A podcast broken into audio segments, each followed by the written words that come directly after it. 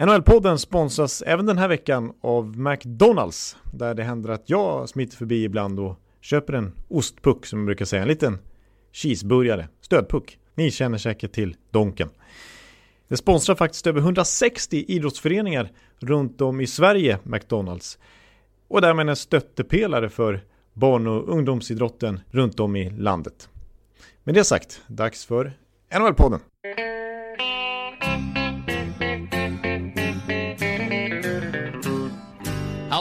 We're on the air. It's hockey night tonight. Tension grows, the whistle blows, and the puck goes down the ice. The goalie jumps and the players bump, and the fans all go insane. Someone roars, Bobby scores at the good old hockey game. Oh, the good old hockey game is the best game you can name.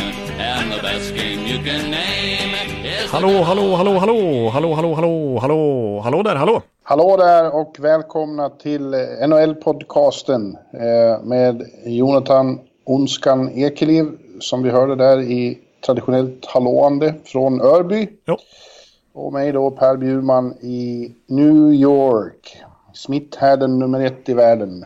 Idag, denna måndag, annandag påsk som vi spelar in där, dessutom drabbad av ett sjujävla oväder.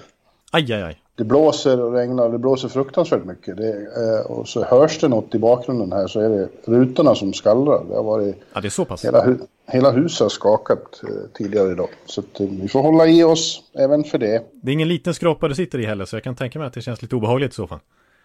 Ja, fast det känns också behagligt att den borde vara rätt så stabil. Ja, vi, tog oss igenom, vi tog oss igenom Sandy här. Så att, eh, Ja, just det. Då ska Och inte, orkanen. ett litet regn och väder ska inte störa på eh, annandag påsk. Nej, vi har större bekymmer här. Ja, det, Det- så är det ju. Så är det ju. Så är det, som sagt. eh, Det här är ju eh, NHL-podcast i coronatider och eh, det har vi hållit på med nu en månad faktiskt. Ja.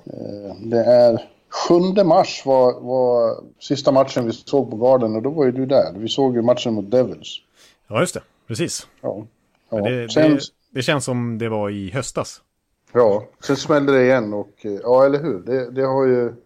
Eh, ja, som någon sa, som jag la upp på något eh, sociala medier, att det är, det är ett konstigt lipår eh, 2020. Det, vi hade 20, 29 dagar i februari, 300 dagar i mars och fem år i april. Ja, Det är ju så det känns. ja lite så känns det faktiskt. Ja, Men ja, eh, som, som vi pratade om här förr, då, det är, New York är ju fruktansvärt hårt drabbat och, och sen, sen du var här så har alltså över 10 000 dött i corona eh, i delstaten New York och de flesta här i stan då eller omkringliggande på Long Island och så. Så att vi är ju nere på knä här eh, och har, har det känts som.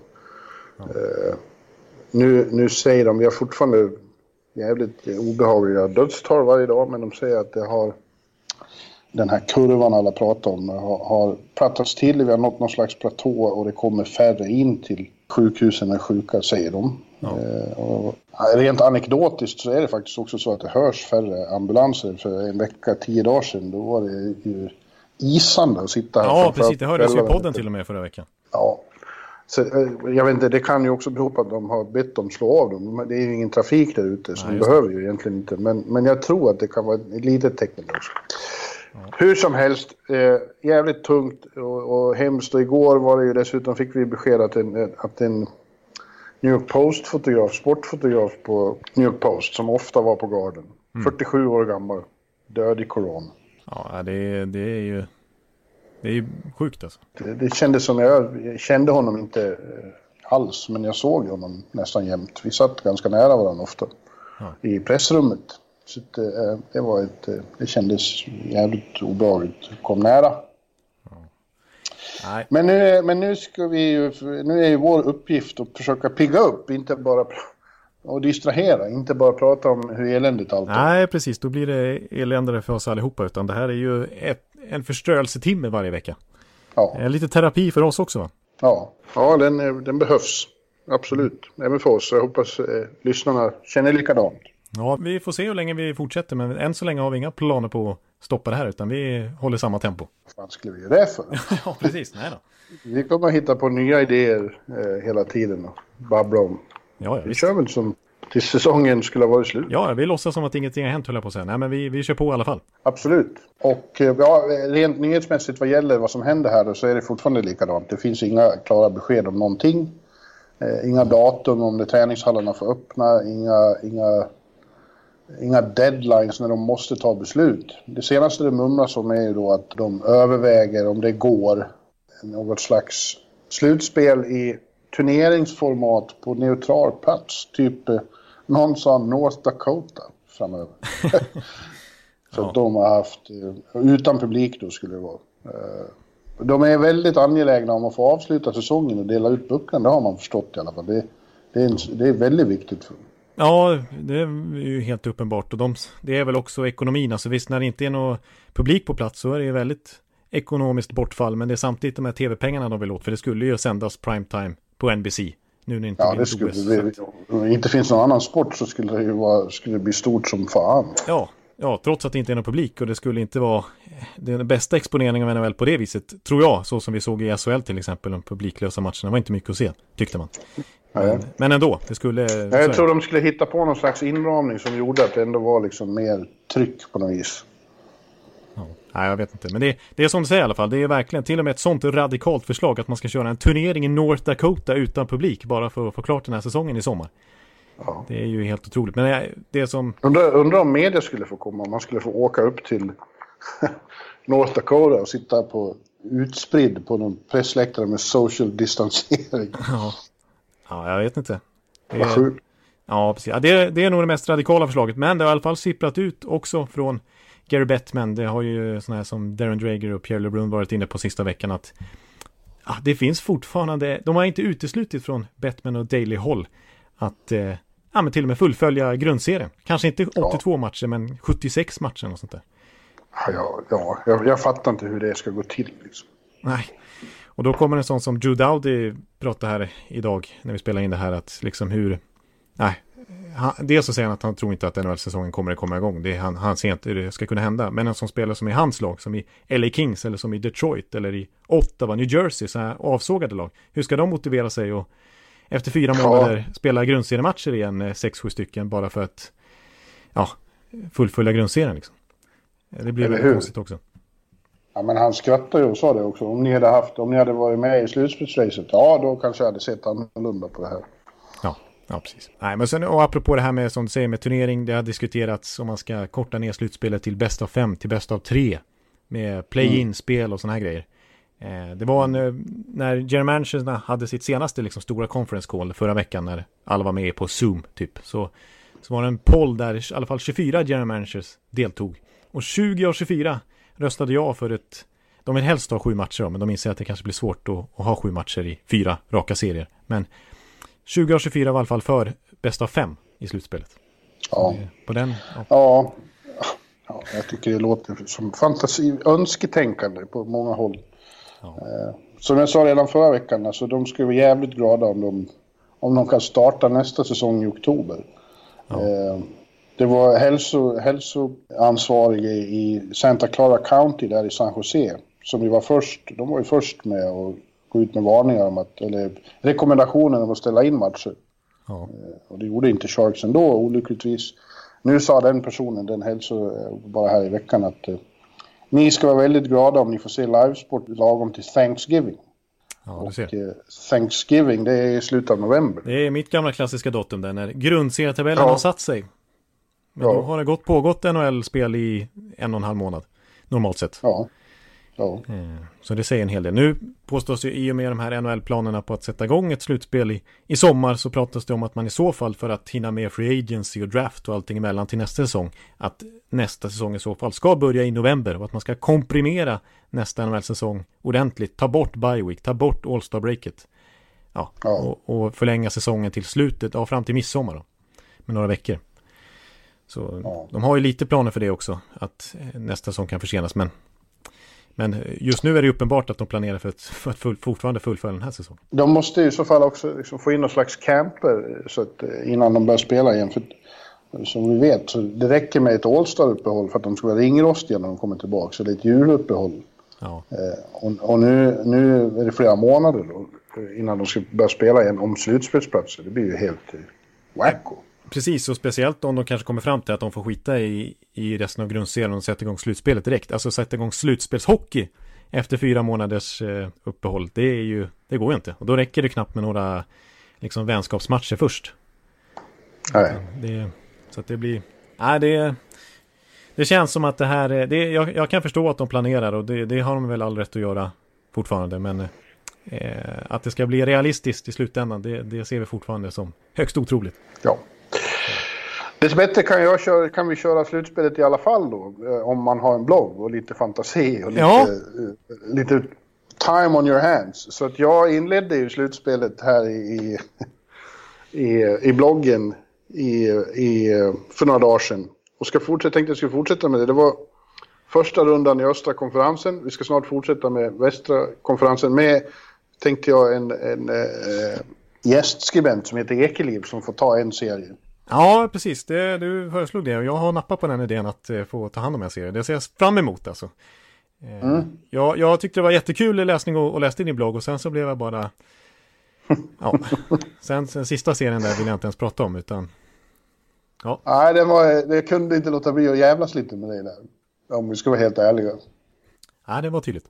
Eh, men låt oss, låt oss titta bara helt snabbt på hur jag... Hur jag hur, den var ju som sagt sist. Ja, ja det är bäst att spara den till, till slutet. Där. Annars kanske vi måste stänga av podden redan nu liksom.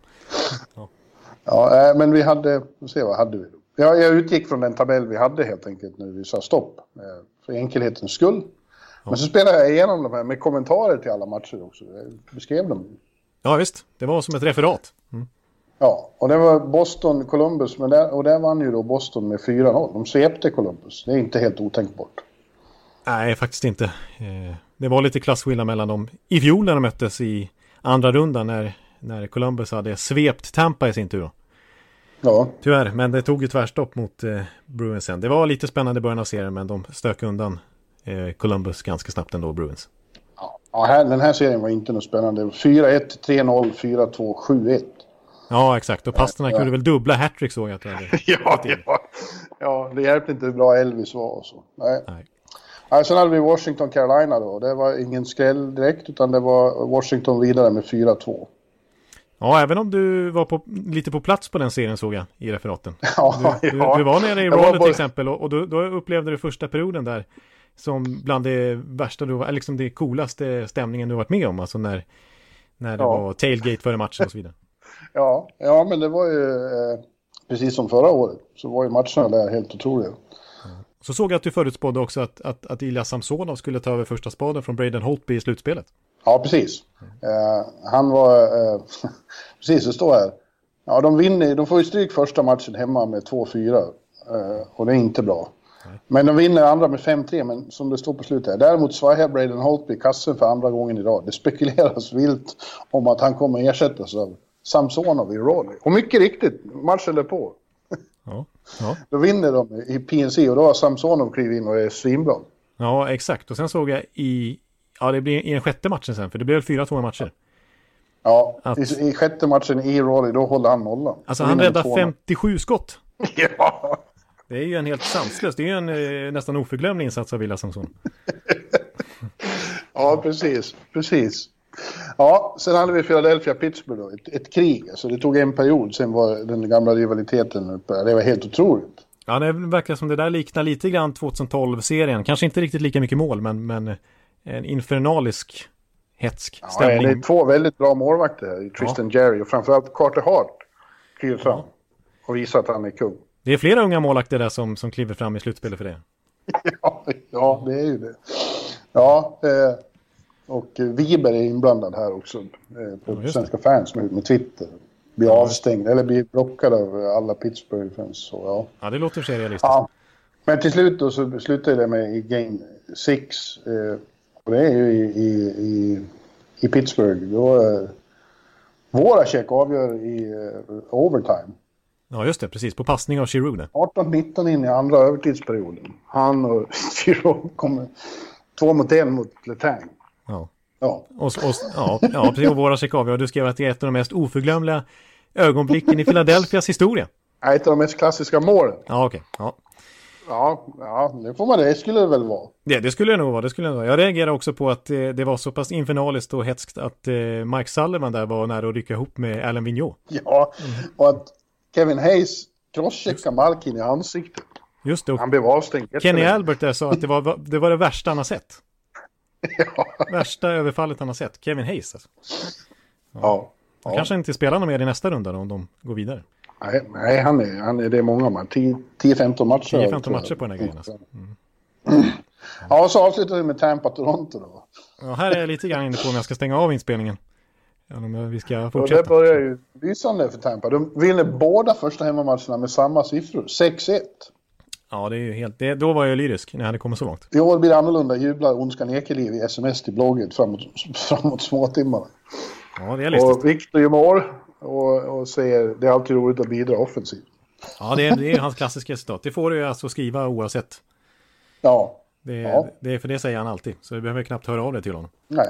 nej och sen eh, så vinner de ju även match 3 i Toronto då med, med 1-0 i overtime. Ja, det är skönt att vinna matcher på olika sätt tänkte jag. Ja. Antingen blowouts eller stänga igen. första, så, eh, ja, Palat får in ett underligt skott från ingen vinkel alls. Och så har de då 3-0. Ja, det är klart. Och, och det ska ju vara klart.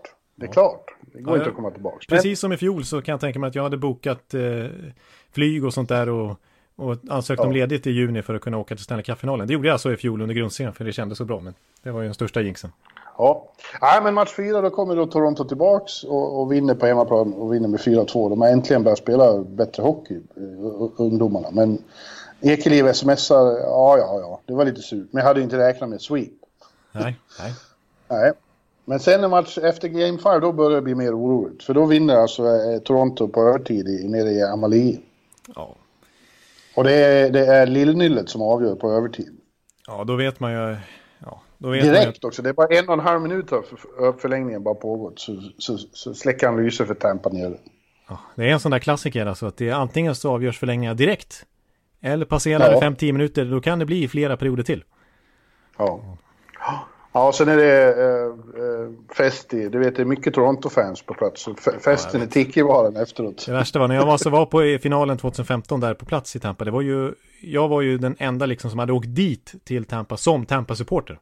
Alla andra i Ja. downtown Tampa liksom som hade bokat hotellrummen. Det var ju bara Chicago-fans. Det var ju fruktansvärt. Tickebaren var ju bara helt översvämmad av rött.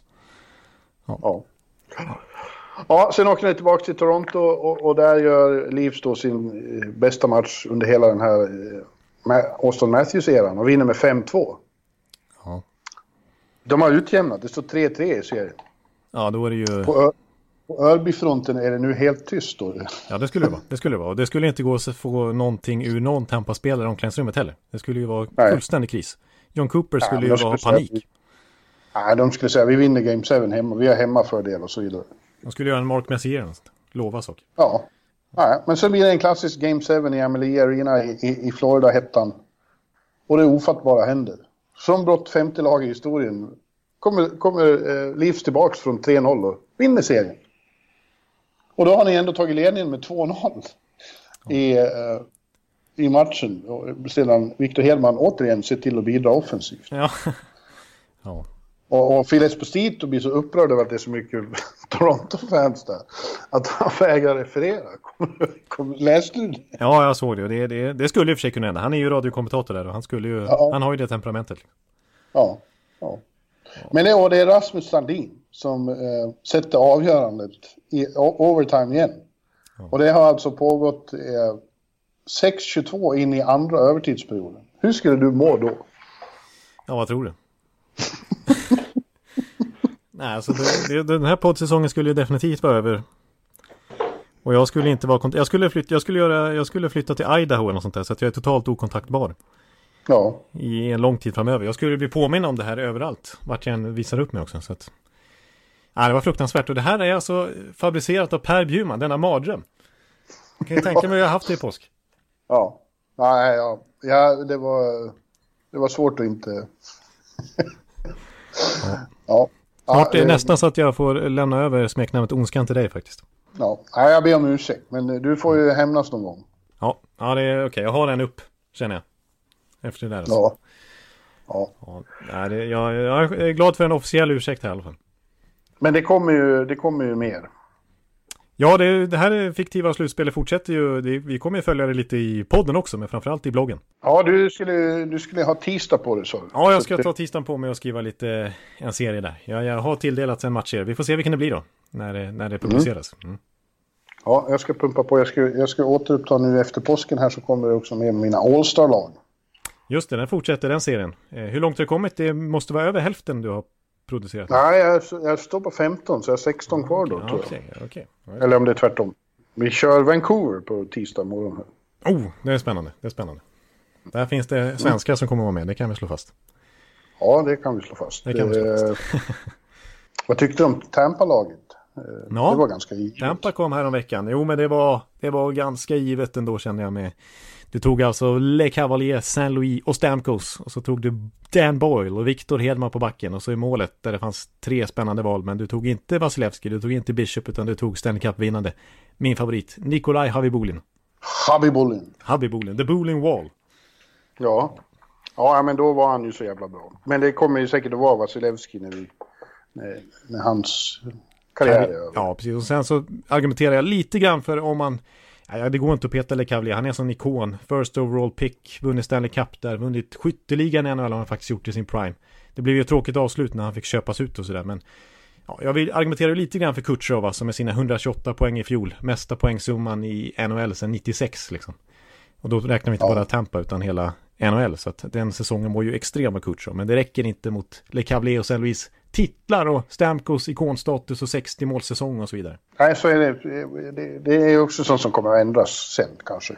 Det, det kan mycket väl bli så. När Kutjerov har, har fepplat bort en, en, en serie till. För han var ju avstängd också i den här serien mot Toronto. Ja, just det. Precis som mot Columbus faktiskt i fjol. Det är ju tyvärr Ja. återkommande tema du har snappat upp det. Ja, mm. ja just det. Ja, men du, eh, vad hade du mer på agendan? Ja, men jag kom på en övergång. Jag kan ta en liten segway sådär som du brukar vara duktig på. Eh, för du, du lyfter ju fram väldigt många unga målvakter här. Eh, Carter Hart, Tristan Jerry verkar ha varit bra i den serien också, även om det var Carter Hart som vann för Philadelphia. Men så framförallt då Ilja Samsonov som konkurrerar ut eh, Holtby totalt och räddar 57 skott och håller nollan i, i sista avgörande match, eller sista liksom matchen som tar Washington vidare där. Eh, Ja och då vill jag bara komma in då på att vi har ju en ny rysk målvakt på ingång i NHL. Det kom precis innan vi spelade in här.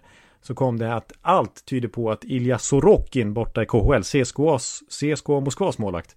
Som har ju varit första keeper där i 5-6 år. Bara 24-25 år gammal. Ja, han har ju konkurrerat med Sjestjorkin i, i Rangers senaste åren om att vara den bästa keepern utanför NHL då, borta i KHL istället. Och nu sägs det att, då att han är ju ägs ju av New York Islanders och han ska komma över till nästa säsong. Och när den nu startar så ska han faktiskt komma över. Han kommer inte förlänga med CSKA Moskva utan han kommer skriva på när det blir möjligt för New York Islanders och konkurrera med Varlamov där om att bli första keeper i Islanders. Så det, den spotten kommer han förmodligen ta. Det är en jättespännande, jättebra målvakt med helt sjuka siffror i KHL. Ja, ja det är ju... Eh, jag understryker väl också igen det här med att det, det är eh, ryska målvakter. Den här generationen eh, är dominant.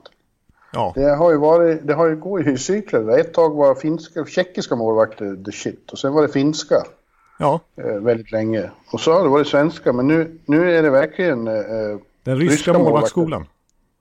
och det är intressant därför att eh, till exempel när vi skulle göra eh, eh, Rysslands, Sovjets All-Star-lag här nyligen, du och jag, Ja, just det. eh, så var det ju, konstaterade vi att det var ganska krattigt med ryska målvakter i NHL-historien.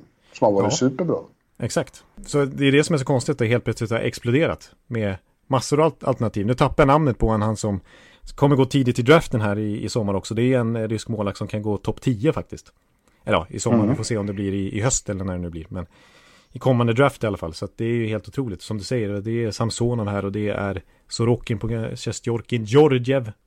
Eh, Ja, Vasilevski kan väl i någon mån räknas in där han också. måste ju verkligen räknas in där. Född 94 liksom.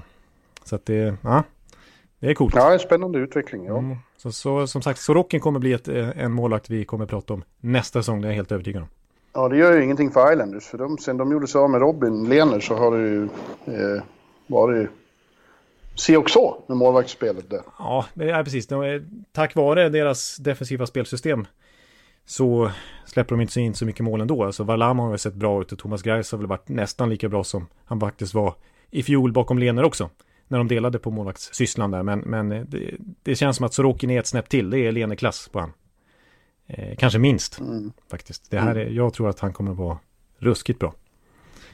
Eh, ja men sen eh, apropå det då så har jag en till eh, övergång på en annan grej som jag egentligen skulle prata om. För det här bara slängde jag in nu eh, hux flux. Det var inget vi hade planerat att prata om, om Sorokin, men den nyheten kom ju precis. Men jag, jag tänkte ju att eh, jag skulle fullfölja det jag pratade om förra veckan när vi hade våran lilla 2025 special.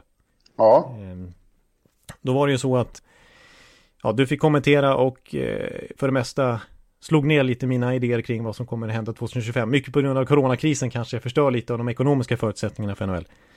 Eh, men vi pratade lite om fenomen och sånt som inom ho hockeytrender som lär vara, ja men som, på vilket sätt hockeyn kommer att utvecklats till dess. Eh, men jag hade dessutom förberett lite vilka, vilka lag som kommer ha, ha bäst förutsättningar och vara starka, kommer vara bra om en femårsperiod, så, så att säga. Och vilka som kommer ha gått ner sig till dess. Mm. Det... Ja, det där tycker jag, vi pratade om det förr, jag, jag, jag, tycker det är väldigt järva perspektiv av det. Det brukar vara väldigt svårt att se längre än till tre år framåt. Egentligen. Ja, precis. Och det här är lite eh, kanske för spekulativt, men jag har ändå ja, de byggstenarna som finns, som man ser framför sig just nu, gör ju ändå att jag vill dra fram den här listan och säga att de här lagen har bäst förutsättningar att vara bra, bra över tid. Så att säga. Ja, ja, ja. ja. Så, du så kan man ju... påstår inte att du du sitter inte på facit. Nej, det gör jag verkligen inte. Det kan ju vara helt fel, det kan ju visa sig vara helt fel. Men om man backar fem år i tiden till exempel, 2015, då hade vi Chicago som Stanley Cup-mästare. Vi hade LA Kings dynasti som fortfarande levde. Mm. Så det har hänt lite mm. sedan dess så att säga. Ja, men den, eh, Tampa har ju ända sedan dess eh, varit de har varit contender under ja, fem de är ännu mer contender nästan nu än vad de var 2015 när de gick till final känns det som. De har ett bättre mm. lag nu skulle jag vilja säga. Eh, på pappret. Men eh, ja. Ja, nej, men de, då säger jag de, de tre. Jag nöjde mig med att säga tre lag. Faktiskt, per ja. kategori. Sen kan man dra in må många fler då, men då, då, ja, jag, jag, säger tre lag. Eh, då har jag faktiskt tagit, då börjar vi med bäst förutsättningar och då har jag tagit New York Rangers. Mm. Ja, som ett sånt som kommer att kunna vara bra då. Ja, ja precis. Och det baserar jag på att jag tycker det ser väldigt lovande ut för dem i alla tre lagdelar egentligen. De, vi har ju redan pratat om Sjestjorkin här inte Sorokin, men Sjestjorkin som jag har kommit över från KHL och visat sig vara väldigt bra. Det känns som en ny tsar, en ersättare till kungen mm. över tid. Mm.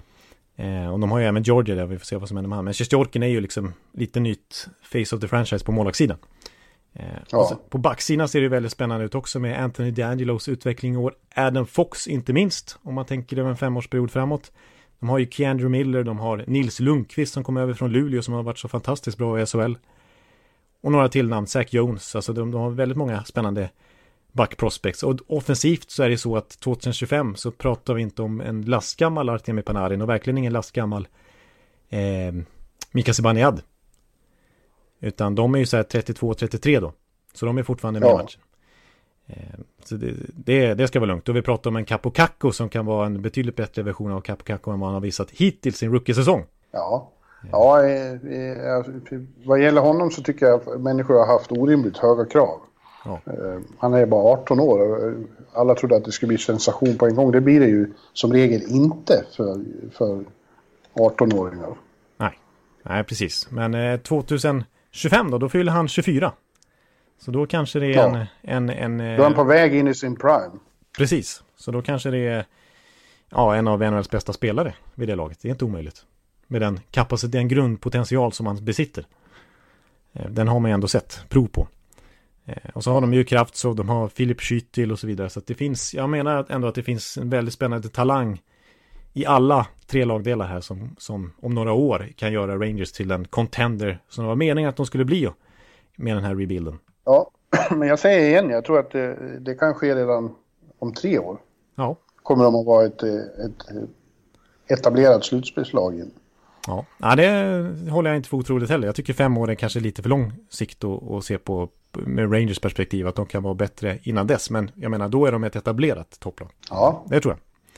Eh, sen ett topplag som kommer fortsätta att vara det och kanske bli ännu bättre. De bara, alltså, den, här, den här femårsperioden som kommer så kanske det är lag som har gjort det allra bäst. Det är inte helt omöjligt. Det är Colorado som jag har satt upp också. Mm. Eh, och det baserar ju då på dels att de har, har en ung kärna som är bäst i laget just nu med Nathan McKinnon. Han fyller 30 2025.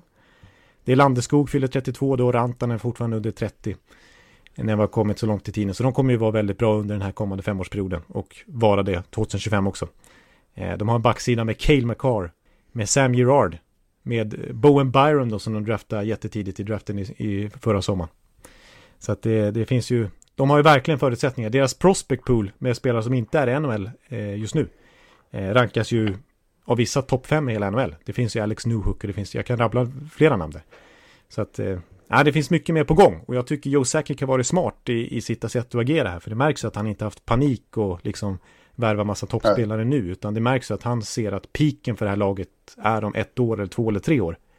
Och då kanske... Ja, samma, jag skulle säga igen att det är också lite onödigt långt med fem år. Jag tror att de är contender om ett eller två år. Ja, verkligen. hade varit med oss, hade ju kunnat tagit sig hela vägen redan i år för, för övrigt om alla hade fått vara friska. Ja, precis. Men om man kollar på deras lag, det, det finns ju inget dåligt kontrakt där. Utan de enda som har långtidskontrakt, visst man kan argumentera för Eric Johnson, men han är fortfarande en viktig veteran i laget. Men annars är det ju bara liksom, de som man har skrivit långtidskontrakt med säkert, det är ju Rantanen och det är Sam Gerard. Och det är McKinnon sen tidigare och Landeskog liksom. Eh, mm. Han tog in Jonas Donskoj på ett fyraårskontrakt, men det är ju inte liksom sju-åtta årskontrakt vi pratar då. Så att Nej. han har verkligen eh, skaffat sig liksom utrymme för att, ja men. Han blev ju han, han blev ju årets general manager av en anledning. Ja. I vår, i vår eh, inofficiella award. Ja, i Biffen Awards här för någon vecka ja. Så... Eh. Ja, Cale McCarr, vad ska man säga? Han var ju med i mitt All-Star-lag fast han har spelat en och en halv säsong. Eller inte ens det.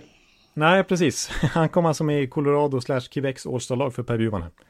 Cale McCarr. Ja, och då hade du ändå kunnat ju... ta in Rob Lake och uh, Ray Bork, hans korta tid där och uh, Adam Foot Ja, fast och... jag, jag får argumentera det för att han, det är lika bra att ta med honom. Han är redan så fullfjädrad superback så om bara några år kommer det att framstå som självklart.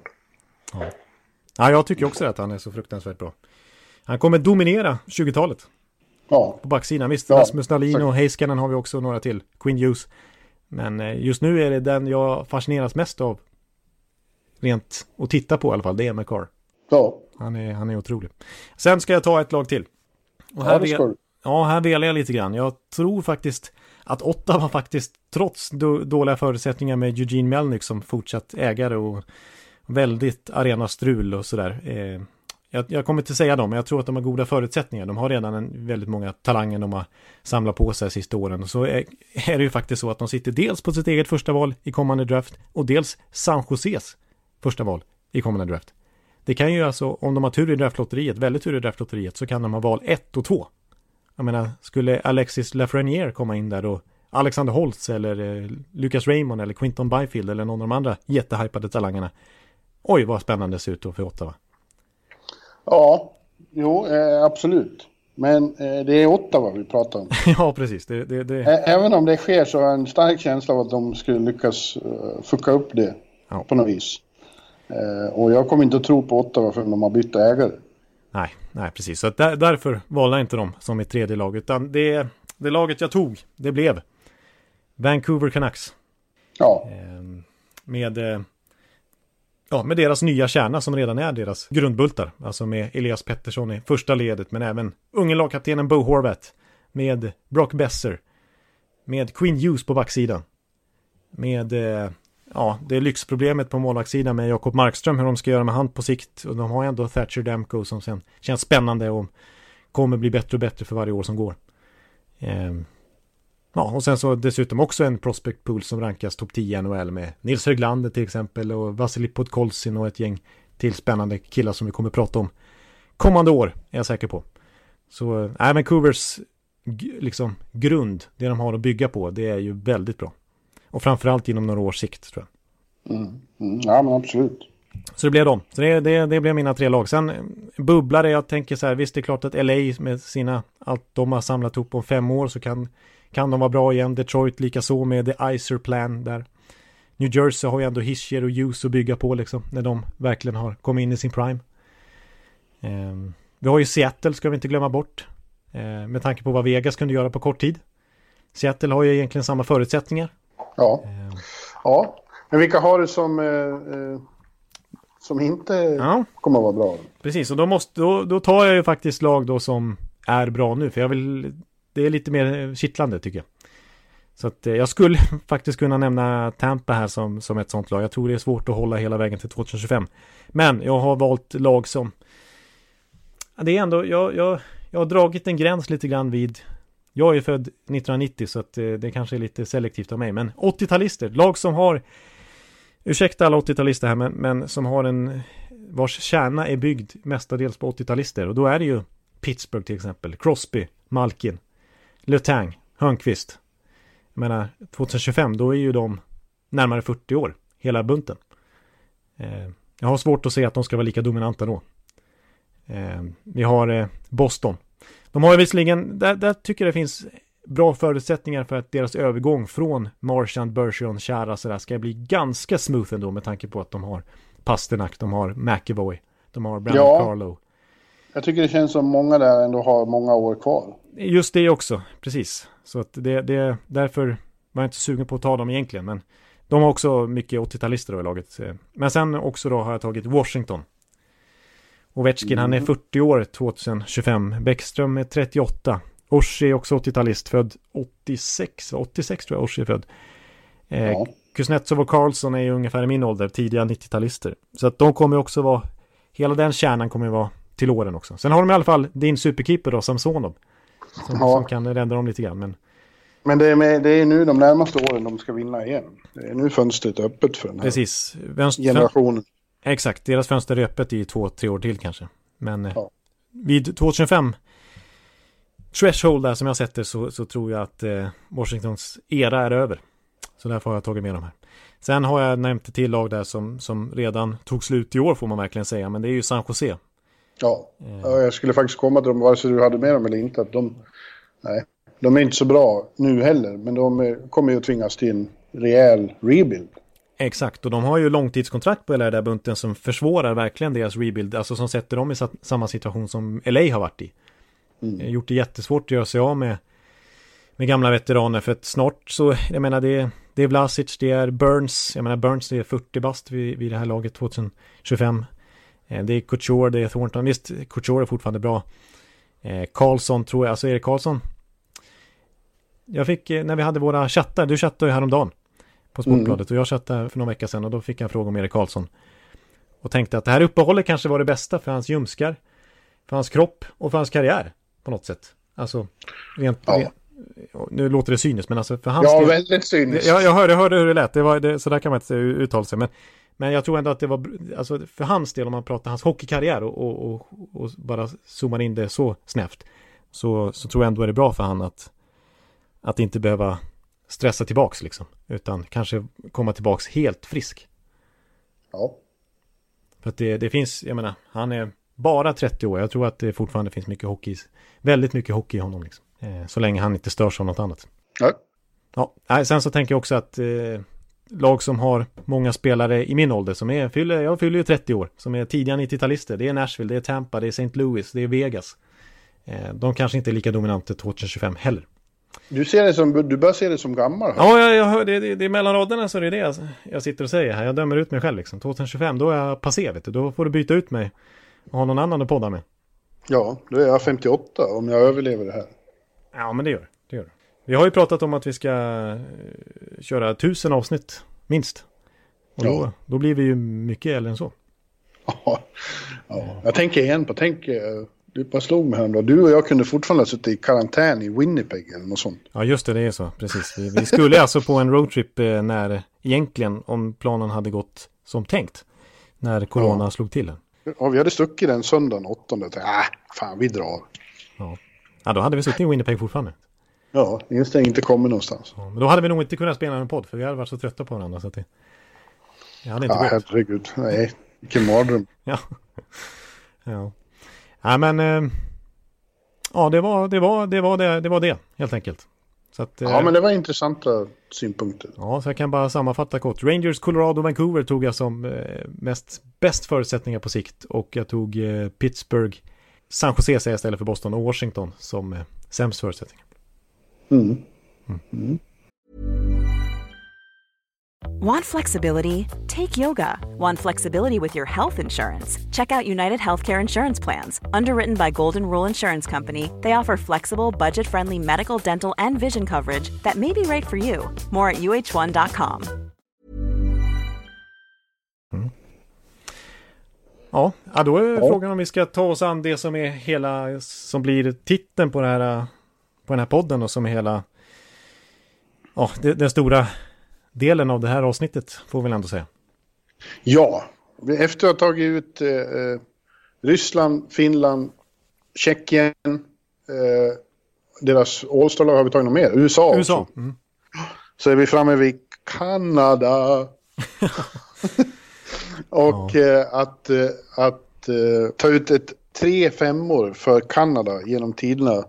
Jag vet inte vad det ska jämföras med. Det, det är som att, att, att ja, jag vet inte, rangordna Beatles-låten. något sånt. Ja, precis, exakt. Det var en bra jämförelse. Ja, jag kan bara, jag kan säga något eller två namn som jag har fått peta nu bara för att man ska förstå digniteten på namn vi kommer att diskutera. Ja, men vi återkommer om det. Vi Okej, återkommer. Börja, börja inte med det. Nej, okej, nej, det, det får vi komma in, vi får diskutera det. Du kanske vill peta det-? Mm. Kanada är hockeyns eh, hemland. Det är eh, utan tvekan det st- stora hockeylandet. Mm. Och eh, sanningen är att vi skulle kunna ta ut fem All-star-lag och de skulle kunna vara de bästa av alla. I princip. Ja, så är det. Jag kan, jag kan säga ett namn så här till exempel Paul Curry. Han är ju, han är ju typ i Kanadas femte lag liksom. Ja, Bara ja var en sån sak. Ja. Ja. ja, men vi börjar med målvakter då. Eh, Ja. Där är det ju oerhört svårt att välja ut tre tycker jag faktiskt. Men eh, det är några givna kanske, men, men att välja första keeper är ju bara det jättesvårt. Ja, du behöver inte göra det. Ta tre bara. Nej, men jag har valt det första keeper. Okej. Ja, nej, men jag, jag efter mycket våndande så här så har jag kommit fram till att min nummer ett, och jag ska motivera det lite grann, men jag nämner namnen först. Min nummer ett är Patrick Roy. Ja. Eh, tvåa blir Martin Brodeur. Mm. Och sen är frågan vem man ska, man ska ta som nummer tre. Man, det, jag valde mellan tio olika tror jag, men det fick bli gamla Montreal-ikonen Jacques Plant. Jaha. Jag har en annan eh, Montreal. Eh, jag är helt överens om Roy som första målis och Brodeur. Mm. Eh, men han har inte riktigt, han spelar inte lika mycket matcher som de andra så han har inte riktigt samma Nej, du- stats jag, på sin jag vet vem du Men kommer Ken. Mm. Ken Dryden. Ja. ja, absolut. Jag övervägde honom också. Han, hans siffror på 70-talet där när han vann, var det, fem Stanley Cups eller något sånt. Ja, Eh, de är helt hiskeliga. Alltså, han, hade, han hade över 92 i räddningsprocent, Ken Dryden, i en era när man hade liksom, det var bra att ligga över 90. ja. Så att eh, han var ju otrolig. Han var ju en, kändes ju lite som en bohem liksom, som tog ett sabbatsår för att plugga och sånt där. Och sen så spelade han ju bara sju NHL-säsonger, sen var han klar. ja, det är otroligt. Eh, men just för att när han var på, sin, på toppen av sin förmåga så var han så in i helvete ruskigt bra. Men det finns ju, som du säger, det alltså, då går man förbi Luongo och Belfour och Ja. eh, äldre stjärnor som Terry Sawchuk och Glenn Hall, Tony Esposito. ja, precis. Det är de jag har. Jag har skrivit upp Grant Fuhr också, men han var ju inte, all, inte speciellt nära. Men det är ju att han är typ tionde målvakt, det säger ju en del om konkurrensen. Curtis Joseph. Ja, ja precis, exakt. Ja. Alltså så här, Terry Sawchuk var jag nära att ta in också. Det, han har ju en så cool historia liksom med hur, vilken kämpe han var. Alltså, han var ju verkligen, då, han var ju liksom Börje Salming fast målvakt. Han hade 400 stygn i ansiktet. Han offrade sig så mycket. Det var ju på den tiden man inte hade mask. Ja. Liksom. Punkterad lunga.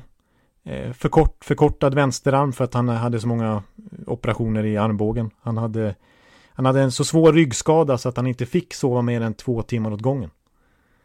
Han kunde för den skulle inte heller. Så han, han offrade sig verkligen för hockeykarriären. Sen fick ju det väldigt sorgligt slut för han hade ju så, han hade ju så ont överallt så att han blev ju deprimerad och alkoholiserad och så dog han ju faktiskt. Bara 40 år gammal när han fortfarande var aktiv för att han hamnade i bråk med en lagkamrat om eh, att betala om, om hyran, hyran på lägenheten de, de delade.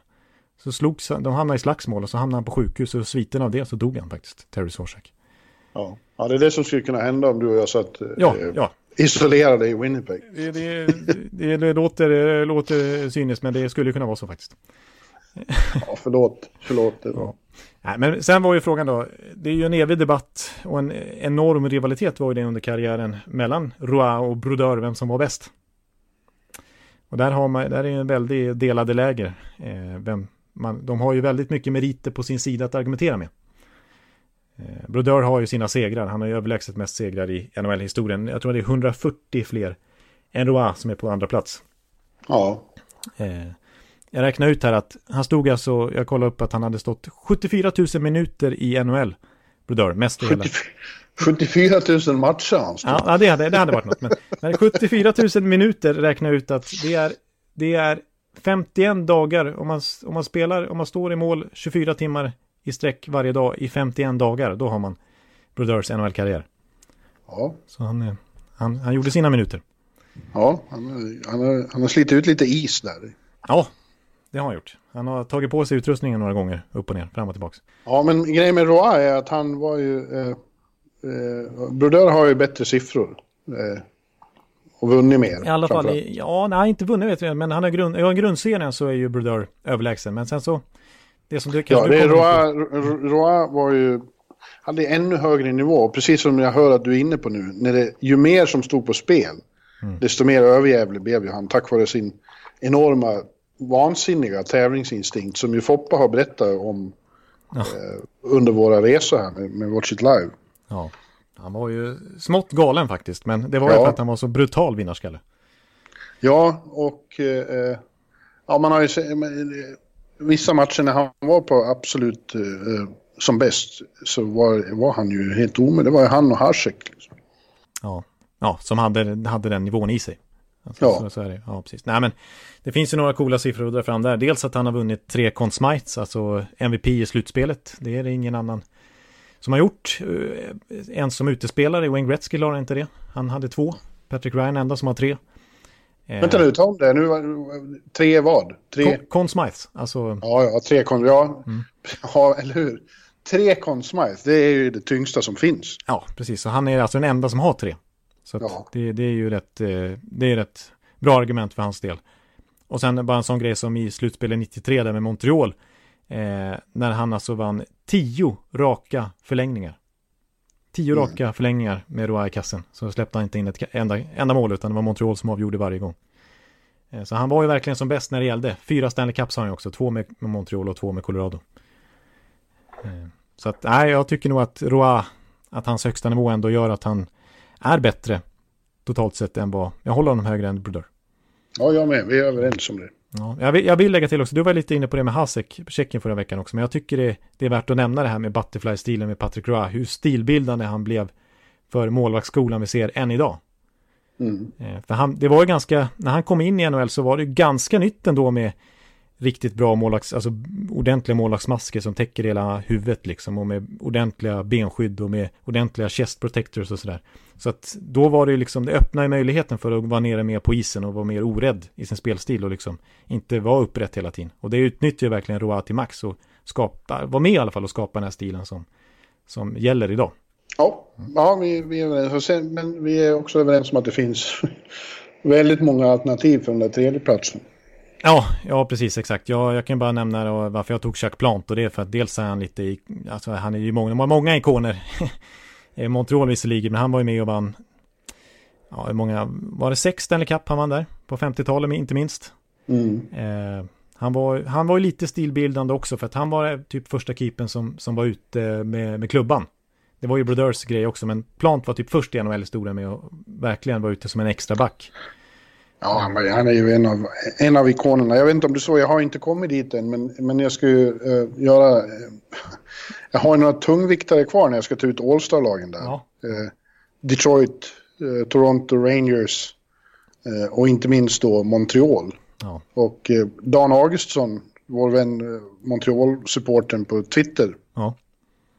Han har ju förberett mig för det. Han tog ut, han tog ut tio tio sådana femmor med målvakt från Montreal-historien. Ja, ja, men det går ju att göra det. Det är helt sjukt. De, de har alltså 24 ja. Stanley Cups. Så det, ja. det är ända sedan 20-talet och framåt som, som, som ja. det är spelare aktuella. Liksom. Ja. Så det, det är helt var, vansinnigt.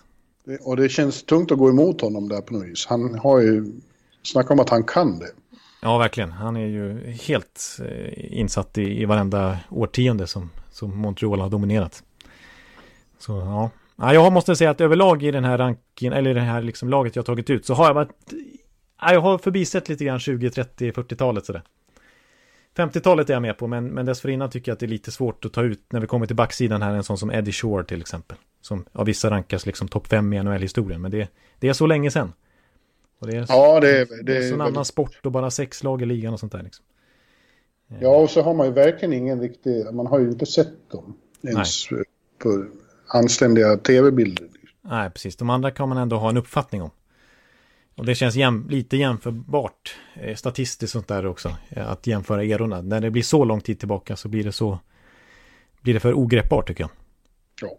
Men nu, nu får du ta dina backpar och, och jag hoppas du inte har snöat fast för mycket med det här med left och rightare. Nej, det har jag faktiskt eh, lite grann avstått ifrån. Ja. Eh, ja, Nej, jag, nu känner jag själv då att... Får, jag- får jag säga en sak? Jag hoppas du har ett renodlat Boston-par som första backpar.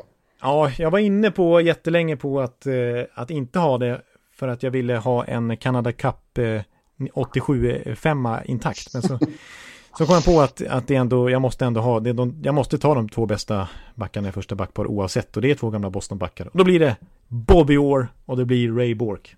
Ja, exakt. Så att det var, vi får väl komma in på dem mer, men jag, jag nämner mina andra då. I andra backparet så blir det Paul Coffey. Och sen har jag tagit Dog Harvey, apropå, apropå Montreal då. Eh, och sen är det jättesvårt, alltså jag, jag petar ju enorma namn här alltså. Eh, det är fruktansvärt liksom, men, men eh, skulle lika gärna kunna peta de här killarna till förmån för dem. Men det blev en till Montreal-back, jag tog Larry Robinson. Och så tog jag person, Ja. personlig favorit i Al McInnes. Ja. Ja, jag, jag, jag har ju... Den, alla de där namnen...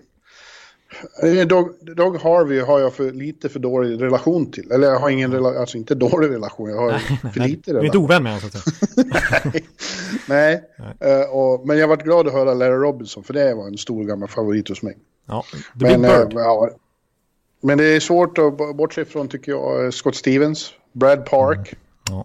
eh, Larry Murphy, Dennis Potvin. Dennis Potvin, ja. Eller hur? Ja, och, och hur många andra som helst. Scott Red Niedermayer. Kelly. Ja, precis. Ja. Pronger. Ja, fast jag tycker nog ändå att du var, du var väldigt bra där. Du tycker det? Ja. Ja. Ja, det känns. Ora Bork, vilket, vilket, vilket drömpar. Ja, det är, det är faktiskt... Eh, det går knappt att föreställa sig. Det är liksom två enorma giganter. Och jag, om vi kommer in lite på Bobby Orr så, så är ju han så bra så att jag förstår när man liksom läser på mer om honom och sätter sig in i hans karriär och hur bra han var så då kan jag förstå de som argumenterar för att han är världens bästa hockeyspelare genom tiderna. Alltså, Ja, han är, han är, ju, han är ju bakom Gretzky, det, det skulle jag ändå säga. Men, men det, är, det, det, det, det är inte orimligt att påstå att han är bäst genom tiden. Nej, han, han skapade ju det moderna backspelet. Det hade funnits några som, som hade liksom eh, lagt ett prototyp där. Ja, Eh, men det var ju han som... Offensive defenseman. Det, det var ju han som, eh, som uppfann det. ja precis. Alltså som hade den pondusen, den auktoriteten, den, ja, men den Det var den kvaliteten. tekniken och Ja, skridskoåkningen och bara, allt. ja, precis. Inte minst skridskoåkningen framförallt. då, Men också, ja, och verkligen tekniken och skillsen och ögon i nacken och så vidare. Han var ju Ja. Brutal alltså. Han alltså hade ju en säsong, den där ikoniska 1970-säsongen där, när han, det där fotot tog som alla har sett, när han flyger fram. Ja, Eh, då vann han alltså Norris Trophy, han vann Art Ross, det vill säga poängligan som back, han vann alltså poängligan. Eh, han vann Hart Trophy som mest värdefull i grundserien och han vann Conn Smythe som mest Ja. värdefull när de vann Stanley Cup. Så att, det går inte att bli Ja. mer dominant. nej, det gör det inte. Eh, och, och eh, det var bara första säsongen, han fick ju en ganska kort NHL-karriär, det var egentligen bara 70-talet för hans del, början av, eh, slutet av 60-talet. då. Han vann Calder Trophy direkt när han kom in i ligan. Sen vann han, var det åtta raka Norris Trophy innan hans ryggproblem satte stopp. Eller knäproblem var det, Ja, det- knäproblem, vad säger jag? Det, det är ju rätt otroligt när man tittar på backarnas topplista. All, all, alla övriga på topp 10 har ju nästan eh, dubbelt så många matcher som han hade. Han hade 657. Ja, Bork är 1612 och de andra Ja. är på 1400 och 1300 och så. det, är- det är precis, det är ju det som är så bisarrt, att han är i kapp dem i princip med hälften av deras antal matcher. Ja, ja. Så det, det, nej, han var ju brutalt dominant. Eh, Tänk det, om han också hade spelat 1600 matcher, ja, herregud. Eh, han har ju nästan varit på Gretzky-nivå, höll jag på att säga. Nej, det hade han inte varit. Men, ja. men, men ändå, alltså hans poängsnitt på nästan 1,4 poäng per match tror jag i NHL-karriären. Det är ju femte bästa NHL-historien och då är han back. Så att liksom, ja, jag tror Paul Coffey låg ju också så här 1,2 någonting. Men det är ju, eller ännu mer, ja, alltså diskrepansen i alla fall eh, mellan Bobby Orrs poängsnitt och näst bästa back är betydligt mer än vad poängsnittet för Gretzky var ner till Lemieux. Så man ser liksom på det viset i sin position så mm. är ju Bobby Orr helt överlägsen bästa offensiva backen genom tiderna. Alltså det går inte ens att diskutera. Nej. Men han har en bra backpartner där också i Ray Bork. Ja. Eh, som spelade 22 säsonger, varav 20 då, eller 20,5 i, i Boston. Ja. Han också. Ja, det är bara för det så, så Boston har de två största ikonerna genom tiderna på backsidan. Ja. Ja, Lidström är väl där och konkurrerar lite grann också, men, men eh, av kanadensare. Ja, men av, av kanadensare är det ingen snack. Nej. Eh, nej. Och han också, där alltså, nu fick ju Bobby Warren en väldigt kort karriär, men det som är slående med, med Bork tycker jag är hans kontinuitet i hela karriären. Ja. Alltså, han var, gjorde ju så 59 poäng när han var 40 bast och vann Stanley Cup till slut med Colorado. Han hade 19 raka All Star-matcher, man kan säga vad man vill om det eventet, men att ändå bli uttagen 19 år i rad. Ja. Liksom, det är ju sjukt liksom. Då, var, då är ja, man ju, det är bisarrt. Ja, då är man ju grym liksom konstant. Man går ju aldrig ner sig. Åkte han på alla också? Ja, det vet jag. Ja, han gjorde. Han är, han är ju registrerad för att ha varit på plats på 19 raka All-Star-matcher. Så att mm. han gjorde uppenbarligen det. Jag tycker också det är lite coolt att liksom om man kollar vilka som har mest skott på mål så är det ju naturligtvis forwards. Eh, Brent Burns brukar ofta, ofta vara uppe och hota lite om mest skott per säsong. Men, men eh, eh, det är faktiskt så att Ray Bork om jag inte har sett fel nu, det låter som att Gretzky borde leda den här statistiken, men som jag ser det i alla fall så är det Bork som har mest skott på mål genom tiderna i NHL. Och han är back. Så att han var rätt involverad i offensiven. Ja, ja. Och sen hade du Paul Coffey då, som också är en, en modern, eh, också liksom någon slags mall för hur moderna backar ska spela. Ja, precis, exakt. Och det som gör att han, alltså hans siffror är ju nästan på nivå med liksom, ja det är ju på nivå skulle jag säga med, med, med Bork i alla fall. Eh, och nästan, inte riktigt med år för han är en klass för sig. Men, men det som kanske ändå har, han har ändå haft sina belackare liksom. För att han var ju inte lika komplett back som, som Bork och År var. De var ju väldigt bra defensivt också. Men mm. Hade ju alltid lite kritik att han var halvsvaj i egen zon. Eh, men, men framåt var han ju grym. Men det är ju en kritik som riktas mot hans efterföljare ofta nu också. Att, Precis, det är bara eh, Erik Karlsson eller Tory Krug eller eh, Doggy Hamilton eller vem man nu vill snöa in sig på. Mm. Eh, men det är svårt att kritisera Paul Coffey när han, när han alltså, om man ser de, de tio bästa säsongerna av en back poängmässigt någonsin, så står Bobby Orr för fem av dem och Paul Coffey för fem av dem. Ja. Så att han hade en säsong när han gjorde 48 mål, Paul Coffey. Så att, eh, ja. Men vem var det du hade bredvid honom? Doug Harvey? Ja, då tog jag Doug Harvey. Jag, som jag har så dålig relation Ja, han som du är ovän med. Ja. Hur många Stanley Cup har han? Ja, vänta nu. Det är åtta stycken har han. Ja, åtta en stycken. del. Precis. Dubbelt så mycket som svenska rekordet.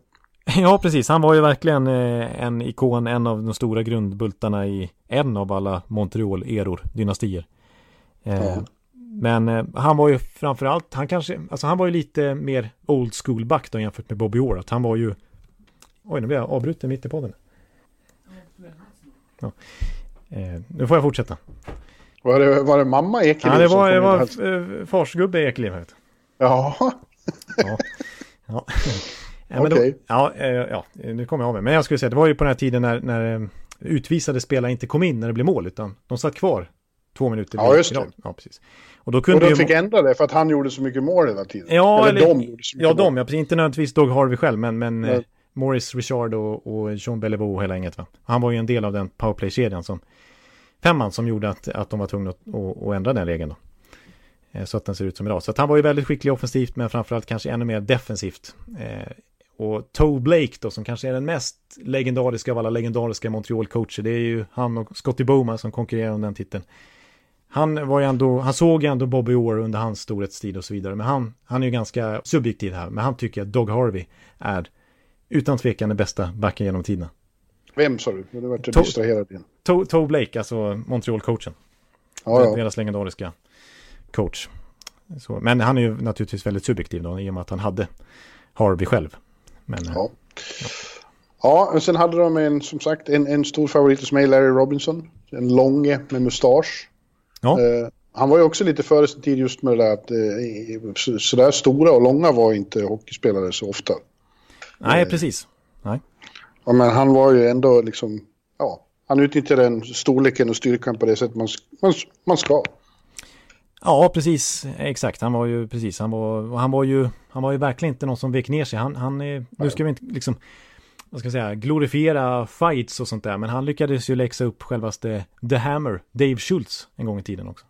Ja, Men- ja man- han var man stenhård. Exakt, man gav sig inte på honom helt enkelt. Nej. Och samtidigt väldigt smart, vilket ju sen har gjort att han har haft en lång tränarkarriär också. Precis, han hade verkligen hockey mind. Och, och Ja. En annan statistik som jag tycker är cool, som är rekord för hans del, eh, det är att eh, han spelar alltså 20 NHL-säsonger. Han missar inte slutspel en enda gång. Nej, det är helt otroligt. Varken med Montreal eller med, med LA Kings. Ja. Så att, eh, ja. Och bredvid honom har du då ställt Al McInnes. Eh, Big Al. ja, precis. Och det är, jag är lite en, liksom jag växte upp då på, på 90-talet och början av 2000-talet när han öste in mål. Nu måste jag flytta på mig, för nu, nu kör pappa ut mig här från arbetsrummet. Bästa platsen att spela en podd, men jag får, jag får flytta på mig. Varför det? Nej, nu, nu måste han ta över det. Ska han vara med i blogg, podden? Ja, det det, är här första gången, det är välkommen. första gången vet du, som eh, äldre generation Ekeliv eh, tar plats. Ja, vad trevligt. Ja. Men nu har jag flyttat på mig här, så nu har jag bytt plats. Det här var en oväntad parentes. Ja, det var en oväntad utveckling. Jag trodde inte att vi skulle hålla på så här länge faktiskt. Nej, Så att, eh, ja, men nu har vi gjort det. nu har vi gjort det. Så att, låter ljudet någorlunda okej eller? För mig låter det helt okej. Det låter bra. Ja, men då kör vi på det. Ja, men du måste behålla det här nu, inte klippa bort det. Nej, precis. Nu, kommer, nu får jag i alla fall mitt, mina vatt, mitt vattenglas eh, serverat här från, från Forsgubben. Har du någon hälsning i podden? Nej, nej det var ingen hälsning.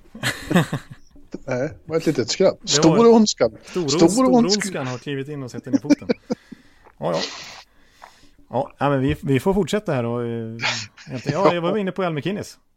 Ja, men- precis. Visst, Och man, eh, visst, när man såg eh, Big Al på den tiden så var man ju bara så oerhört imponerad av hans skott.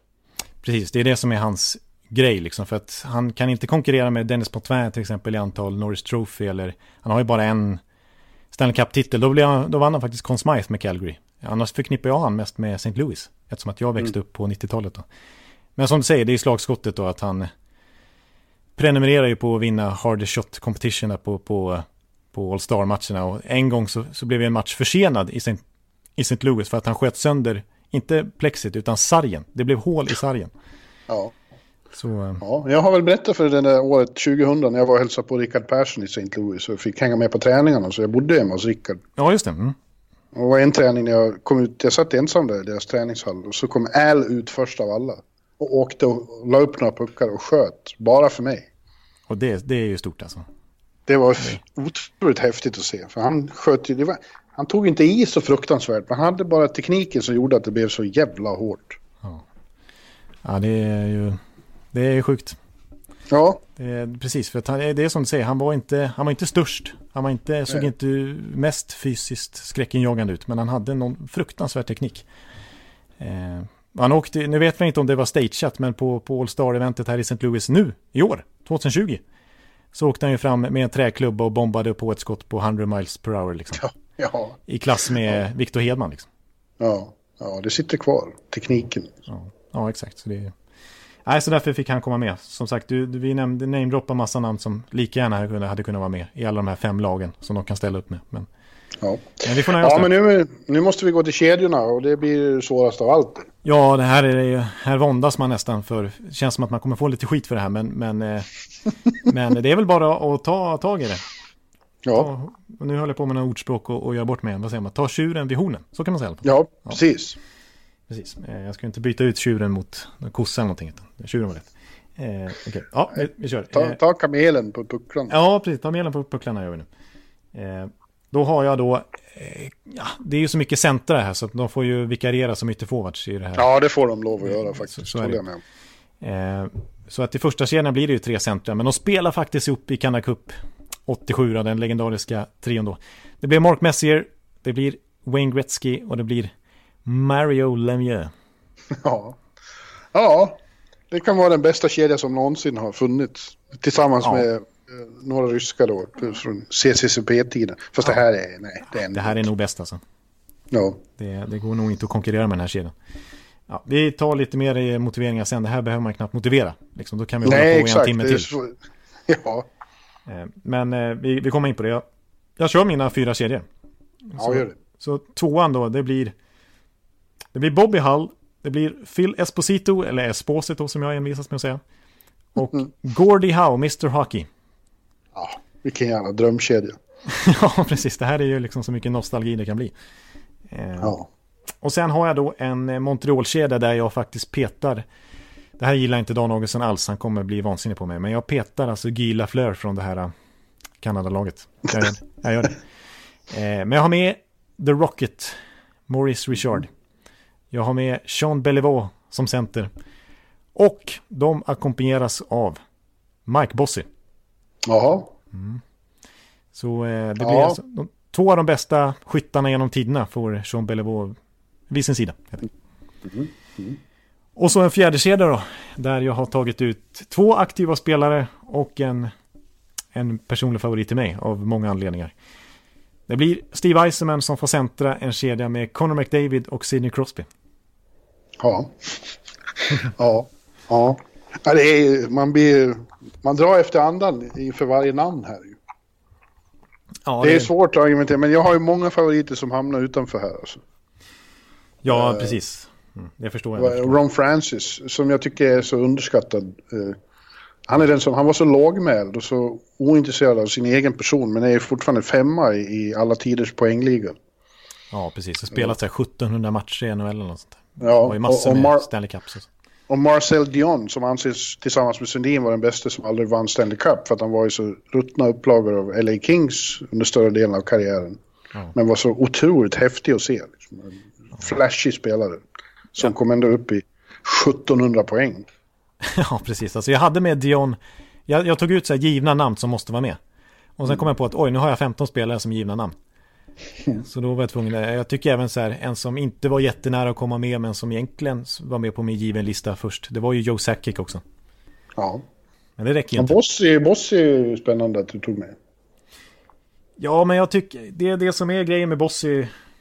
Det är ju, faktum är ju att han har eh, faktiskt, eh, hans karriär var ju ganska kort. Det var ju bara 10 år. Mm. Sen precis som Bobby Orr så stagnerar ju den på, totalt på grund av skador. I hans fall var det ju ryggen, i Bobby Orr var det knät. Eh, men eh, Bossys målsnitt på de 10 åren och 0,76 mål per match. Det är bäst genom tiderna. Det är bättre än Gretzky. Ja. ja, det är svårt att argumentera mot, men jag, jag skulle nog ändå eh, eh, göra eh, dagen till freds och slänga in Guy Lafleur. Ja. Liten rökare. Han rökte ju, bara en sån sak. ja, det, det kanske är ett pluspoäng ändå. Eh, ja, men 70-talets kanske mest största NHL-stjärna. Kan det ha varit det? Ja, men i alla fall den... Många tycker att han var så fruktansvärt sevärd. Ja. Ja, men absolut. Fem Stanley Cups, det var ju en dynasti där på 70-talet också för Montreal. Ja. Men jag måste också, din andra kedja där måste jag säga, det, det, den var ju sån här som hade kunnat, som jag skriver lite i den här All-Star-sammanfattningen, att på 70-talet så såg vi ju aldrig eh, NHL liksom. Eh, Vi hörde bara, det var en exotisk eh, liga där borta. Men de där tre namnen, Bobby Hull, Phil Esposito och, och Gordie Howe, de hade ändå liksom, de var så stora så de, de hade nått oss ändå. Ja, Så när vi spelade landhockey ute på Slingegatan i Borlänge så var det... Då var man antingen Bobby Hull eller Esposito eller Gordie Howe. ja. ja nej, de, är ju, de är ju institutioner i hockeyhistorien. Ja. Det, det går ju att nämna sjuka liksom, grejer med dem. Alltså, Bobby Hull till exempel, om man inte riktigt har koll på han. Sju stycken gånger vann han skytteligan i NHL. Och då gick han ändå till VHA sen. Ja. Och var grym där i Winnipeg Jets med Anders Edberg och Lars-Erik Sjöberg. Så. Eh, Men eh, ja, Esposito, min gamla gubbe. Eh, Det är ändå han som har grundat Tampa Bay. Så att han, det ligger ju väldigt varmt i hjärtat hos mig. Vet du vilken... eh, Ja, det, det kommer ni inte kunna gissa. Men, men han grundade alltså Tampa Bay. Alltså de kom inte in i ligan då. Men han, han bestämde sig och det, det blev liksom officiellt klart att det skulle bli ett NHL-lag i Tampa. i december 1990, samma månad som Jonathan Ekeliv föddes. Ja, Det, det, det säger någonting, eller jag tar det som en... Ja, ja, jag, jag återkommer till det i alla fall. ja det är klart du gör. Eh, Men det, det, han är ju Boston-ikon eh, som, som alla vet och, och fem gånger vann han faktiskt eh, poängligan i NHL. Och så var han ju... Ja, alla landskamper på den tiden mot Sverige så vet ju alla hur, hur fruktansvärt hård han var. Ja. Eh, också. Han spelade länge med Bobby Orr. Eh, Ja, Anders, Anders Hedberg sa här någonstans nyligen att eh, Phil levde bara på Bobby Orr. Han tog rygg. men Bobby Orr var ju ett snäpp till men, men det, det är svårt att, att klandra Esposito för det. Han var, han var fruktansvärt bra han, han också. Ja. Ja, och Mc- Mc- McDavid och Crosby är ju de två samtida från, från den här eran som ska vara med. Och Iceman, ja, det är också väldigt svårt att argumentera mot. Och man förstår ju att du, är, du gillar honom.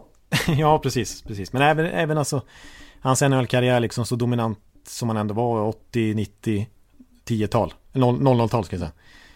Eh, och alla Stanley Cup. Så han är ändå ikonen. Alltså den första man, man pekar ut. Ja, Lidström är väl där och... Men det, det blir ändå Iceman som är ansiktet utåt för Detroits enorma dynasti i modern hockey. Ja. Så att eh, det går inte att peta Iceman tycker jag. Eh, McDavid, jag tror att han, han är redan topp 5 i poängsnitt bland kanadensare i NHL-historien. Så därför måste han med för mig. Ja, ja, ja, ja, jag har inga problem Även om det vore lätt att bara vara nostalgisk och säga liksom Luke Robitaille istället eller, eller Johnny Johnny Boycook, eller hur man uttalar Ja, just det. Boy- ja. Ja, det Oj. finns massa. Så Bobby Clark på 70-talet. eh, Ja, precis. Eric Lin, Brian Trottier är liksom eh, Mike Bossys radarpartner. Vi har ju ja, men så här Stan Mikita.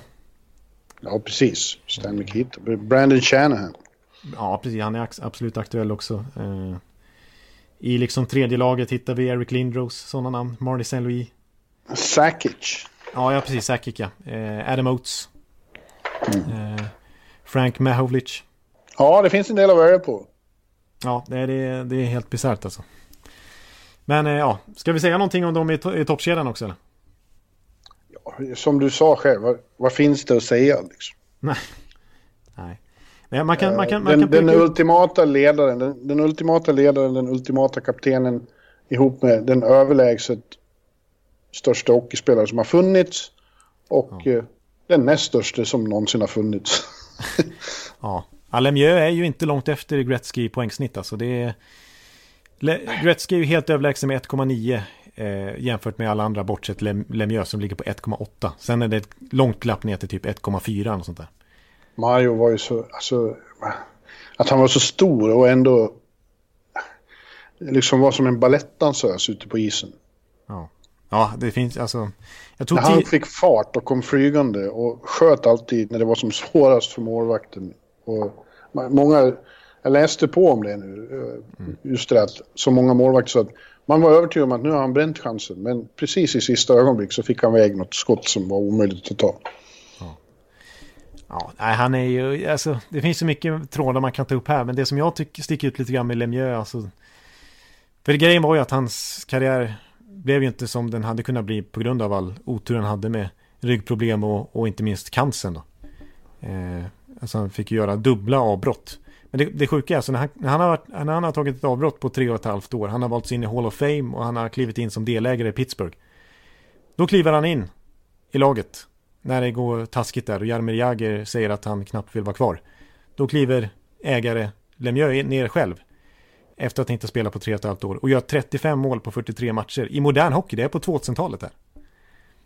Så att eh, det är liksom one of a kind nästan. Det är bara Gretzky Ja, och kanske Bobby Orr då som kan mäta sig med det. ja. Och Gretzky, det, är- det är ju liksom, han har ju 60 NHL-rekord eller något sånt där. Så att, han har fler assist Ja, än någon annan har poäng. Så att, Ja, ja, ja, bara det. Och han eh, har 894 mål och gjorde 92 mål en säsong. ja. 92 mål. Det är helt bisarrt. Ja, men så här, en sån här grej. Det är ingen annan som har gjort 200 poäng. Gretzky gjorde det tre år i rad. Ja. Och han kom upp i, vad var det, Fem, eh, 50 poäng innan 30 matcher, eller vad var det? Han gjorde 50 mål innan 39 matcher. Ja, på Ja, just det, 39 så. matcher. 50 Fem- mål, just det, så det. Vi 50. pratade om att det var så coolt när Mike Bossy gjorde 50 mål på 50 matcher. Först sen sen Rocket Richard. Eh, liksom. Men, men eh, Gretzky behövde ju 39 matcher på sig. Att, ja, han är ju the great Det one. här är, det här är ju liksom guldstandarden. Detta kanadensiska lag vi skickar ut i rymden. Ingen kommer att kunna slå dem. Nej, det är liksom vilken, eh, vad ska jag säga, galax vi än skickar dem till så kommer de ju dominera. Ja, precis.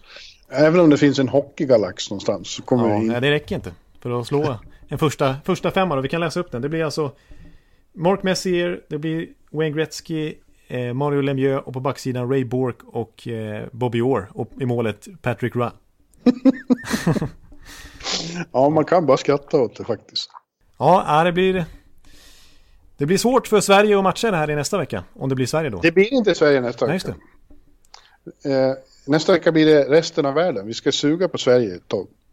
Ja, det är bra. Det är sant. Vi ska det- suga på upplevelsen och ta ut Sverige. Exakt, det är rätt. Så, att, så att det är sant. Så att nästa vecka då, då blir det resten av världen av de nationer vi inte varit inne på. Så typ Slovakien, Tyskland, Norge, Schweiz, ja. Danmark. Se om de Ja. Ja. Ja, det blir intressant att ta ut. ja, lite Team Europe. De gick ju trots allt i final i senaste World Cup. Ja, de gjorde ju det. det finns ju potential där. Mm. Ja, ja men då eh, tackar vi väl för den här veckan då. Det gör vi faktiskt. Det blev ett långt segment med Kanada. Vi har pratat om det i 40 minuter nu. Ja, Eh, Men men det, hoppas, eh, hoppas alla hade utbyte av det och tänkte på något annat än allt jävla elände som pågår. ja, precis. Vi hoppas det. Det var skönt för oss. Vi skulle nästan kunna ta ut ett andra lag med Kanada här bara för att fortsätta snacka hockey. Men nej, vi får tacka oss för oss den här veckan nu. Helt enkelt. Ja. Så hörs vi nästa vecka. Kanske inte blir, vi kanske försöker redan under helgen då. Kanske. Ja, precis. Nu blev det lite påskförsenat här. Men vi, vi, vi testar kanske nästa, ja, redan i nästa helg istället. Ja, Så säger vi på återhörande till dess. det gör vi. Ta hand om er och var försiktiga, stanna hemma, håll avståndet. Hej då! Hej, hej, hej. Take it away. Take it away. Everybody at home, please remove your hat, Stand up, stand up, stand up, stand up. And everybody at home, please remove your hats. Stand up, stand up, stand up, stand up. Oh, Canada. Oh,